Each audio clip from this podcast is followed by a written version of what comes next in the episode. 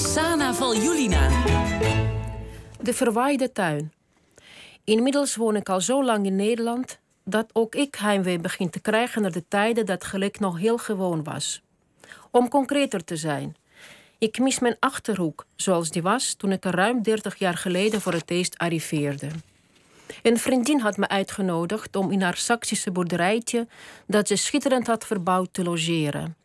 Sindsdien kwam ik er regelmatig en was de achterhoek niet meer weg te denken uit mijn innerlijke landschap. Ik werd kortom een stadse die af en toe naar het platteland ging om bij te tanken en het gedruis van de grote stad van zich af te schudden. Het is moeilijk te bepalen wanneer precies ik me ongemakkelijk begon te voelen in het vertrouwde coulissenlandschap. Bij de hoeveelste nieuwe megastal die midden op een weiland werd neergezet. Of het hoeveelste maisveld dat je in de zomer alle uitzicht ontnam.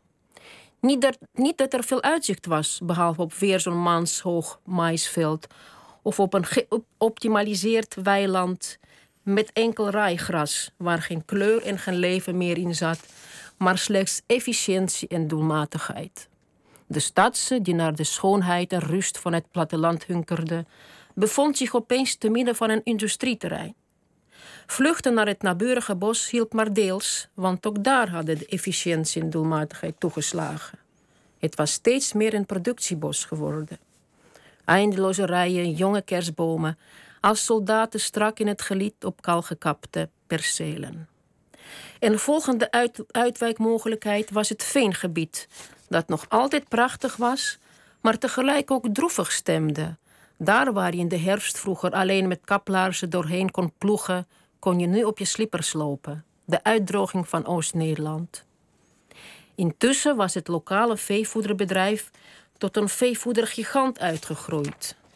Er was een gloednieuw silo met vloeibaar goud verrezen, die als een enorme middeleeuwse feodale burcht boven de wijde omtrek uittorende. Kriskras reden de hulptroepen van de feodaal in hun enorme tankwagens af en aan om de boeren van veevoer te voorzien. Of je werd van de sokken gereden door de even enorme tankwagens van de naburige zuivelgigant. Vorige zomer werden de monotone weilanden kilometers lang opgefleurd door omgekeerde Nederlandse vlaggen. Maar of je daar nou vrolijker van werd. Gelukkig zijn er nog altijd wat oases in deze agrarische woestenij.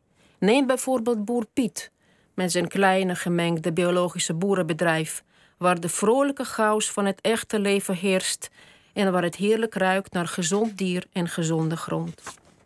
Boer Piet heeft nooit een cent landbouwsubsidie ontvangen. Die is voor de grote jongens. En kan zichzelf prima bedruipen. En hij kijkt wel uit met de leningen van de Boerenleenbank. Hij hoeft niet in een zelfnavigerende tractor te rijden om zich gelukkig te voelen. De Engelse tuin van mijn vriendin is een andere oase. Daar is nog insectengezoem te horen. Niks vergeleken met vroeger, verzucht zij. En fladderen vlinders rond. Maar de structurele droogte die dit deel van het land teistert, belooft weinig goeds. De verwaaide tuin.